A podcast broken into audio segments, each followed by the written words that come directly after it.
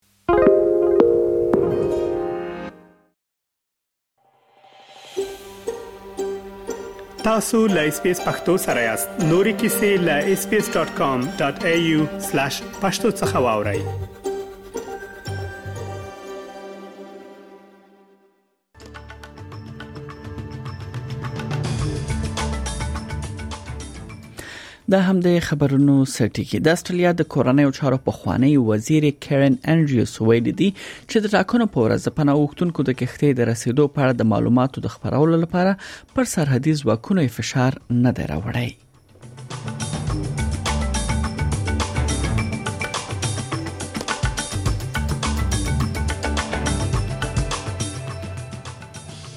بل خو د استرالیا فدرالي حکومت په استرالیا کې د بهرنۍ پانګونې فیسونه او هم جریمه دواړه دوه برابر کړه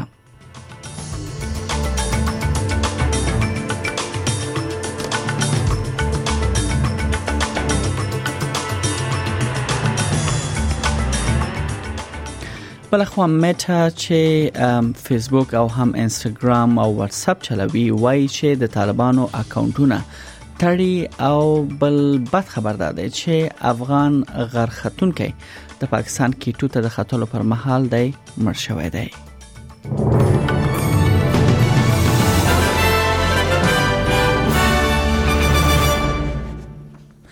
او دا هم بشپړ خبرونه د کورنیو چارو په خوانی وزیر کیرن انډریوز د ټاکنو په ورځ د پناهغښتونکو د کښتۍ د رسیدو په اړه د معلوماتو د خبرولو لپاره پر سرحدي ځواکونو فشار راوړلو خبر رد کړی دی د پناه غوښتونکو کښتۍ نیولو په اړه د لیبرال ګوند لخوا لیګل شو پیغامو کې له خلکو غوښتل شوی ول چې ټاکنو کې لیبرال ګوند ته رای ورکړي ځکه چې لیبر ګوند واک ته ورسیږي نو کښتۍ راتګ پیلېږي هغه کې د هم لیکل شوی په دغه پیغامو کې زموږ سرحدونه خوندي وساتئ د جمعې پر ورځ خبر شوی راپور چې هغه د پلټنې کړه و هغه ومندل چې د کښتۍ بیان وروسته له هغه خبر شو چې د کورنۍ چارو وزیر کارن انډریوز په مکرره ډول چارواکو فش باندې فشار راوړ چې معلومات عام خلکو ته خبره کړي خو اغلی انډریوز دا خبر ردوي او وایي چې هغه په ساده ډول د پخوانی لومړي وزیر سکاټ مورسن په خوخه دا کار کړی وو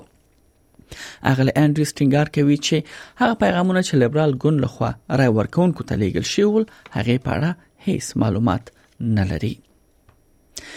بلخوا فدرالي حکومت په استرالیا کې د بهرنۍ پانګونې فیسونه او هم جریمې دواړه دوه برابر کوي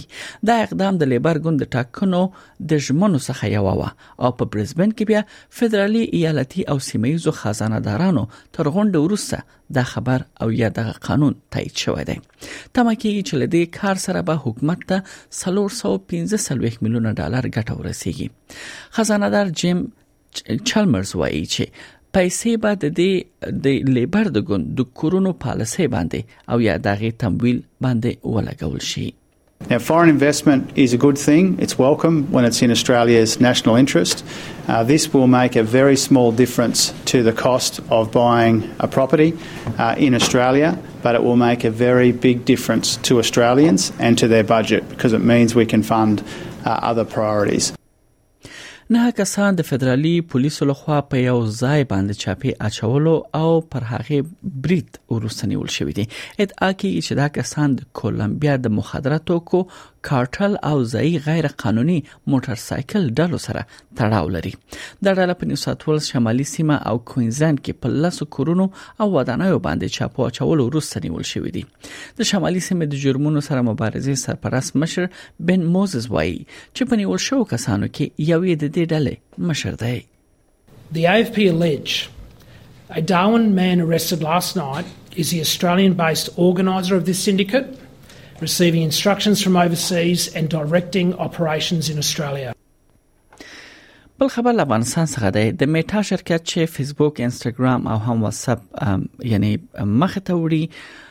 په خوانه نوم یې یعنی فیسبوک دی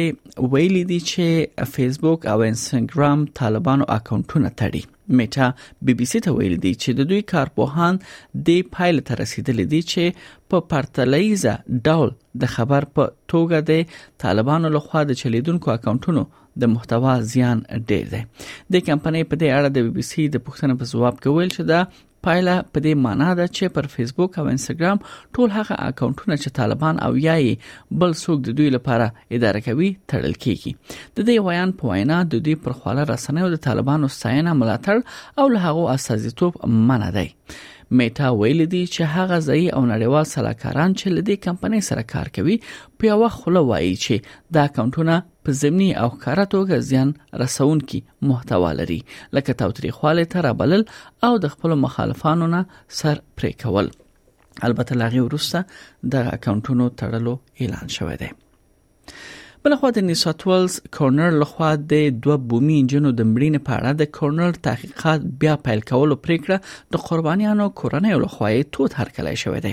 دا پلټنه څلور د ښکال وړاندې هغه وخت پیل شوې و کله چې مونا سمیت او جسنټا سمیت چې 15 او 14 کلن انجنوي د بورکی ښار ته سیرمه د سړک تر غاړې د غوي مړی موندل شول باغې وخت کې هغه پلټنه شو او پاغې کې یو غیر بومي نارینه د محکمې په جریان کې د یعنی زندول شو محکمه او او زغه کس مړ دی دغه کس شو په هغه وخت تورن شو چې د شرابو سکلو ورسته یعنی دغه دغه دوه انجنې مړې کړې وي ولې په 1990 کال کې چې د غیر بومي خلکو لخوا دغه پلاټنه شو او هغه ته برات ورکړ شو وو سو کال وړاندې د قضیه تر نیولو وروسته د کورنۍ اساس په دې بریالي شول چې د محکمې د بیا پیل لپاره خپل اسناد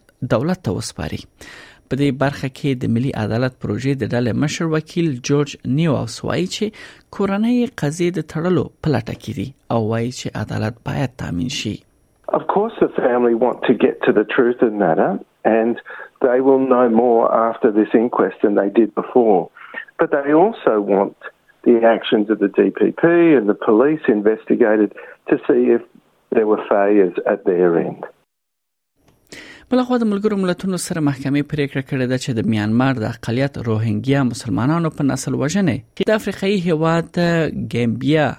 یعنی په 2019 کې د عدالت نړیواله محکمې ته قضیه وړاندې کړه کله چې په 2019 کې د میانمار د امنیتي ځواکونو لخوا د خونړي عملیاتو په جریان کې په سلګونو زره روهنګیان گاونډي بنگلاديش ته وتښتیدل دوی د ډله ییز جنسي تیری وژنو او د زورګونو روهنګیا کورونو په سوځولو تورن شوې دي محکمه موافقه کړې ده چې ګامبیا او میانمار دواړه د نسل وژنې کنونسیون کې د اړخونو په توګه دغه تابع دي او محکمې ته وړاندې کېدای شي قاضیانو د میانمار د ادعا رد کړې ده چې ګامبیا نشي کولای قضیه ثبت کړي ځکه چې دا د میانمار له پیښو سره مستقیم تړاو نه لري او دا چې د قضیې له وړاندې کولو د مخه د دواړو هیوادونو ترمنځ قانوني شخړه هم شتون نه لري د ګامبیا لوی سرنوال داودا جالو د دې پریکړې بیا چې ملګرو ملتونو کړې ده هر کله کړی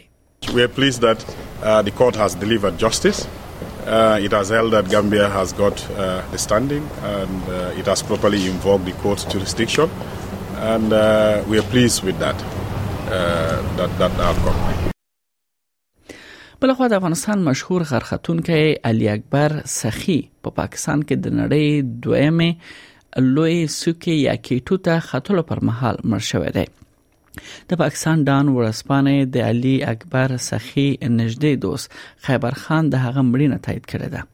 ډان ورسپانه د جمعې په ورځ د خپل سرچینو له قوله ویل دي چې یاد افغان غرختون کې پرون پنځشنبه په پاکستان کې د نړۍ په کچه د غره لوړ سوکې ته د خطلو پر مهال د زړه درېدلو لامل ساور کړی ده دغه نږدې دوست خیبر خان هم پر خپل ټوئیټر پاڼه لیکلی دی چې علي اکبر سخی غوښتل چې د افغانستان غرختونکو په اساسولې د کېټو سوکې ته پورته شي چې تیر ورځ یا د سوکې ته نږدې مړ شوی دی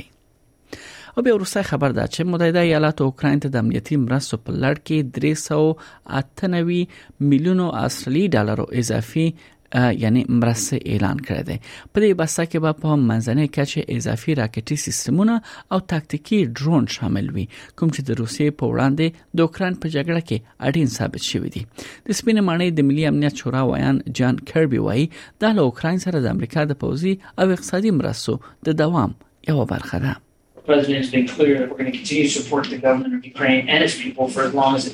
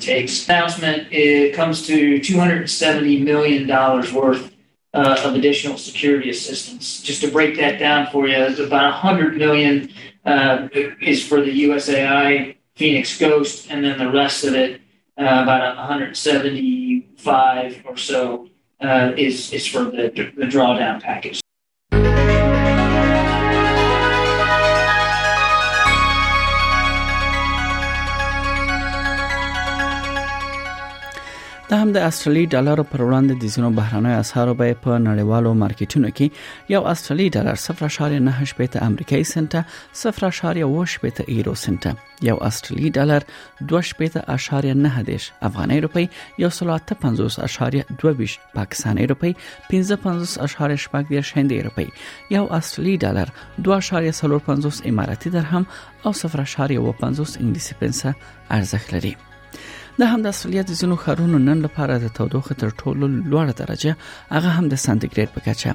سیدنی کې هوا باراني د 13 په ملبورن کې هوا باراني د 15 په برزبن کې اسمان برګ د 21 په پرت کې هوا باراني ده 13 په اډلېټ کې هوا باراني ده ولس په هوبر کې اسمان برګ دی 15 په کمبيرا کې اسمان برګ 15 او په اخر کې داروین هلته هم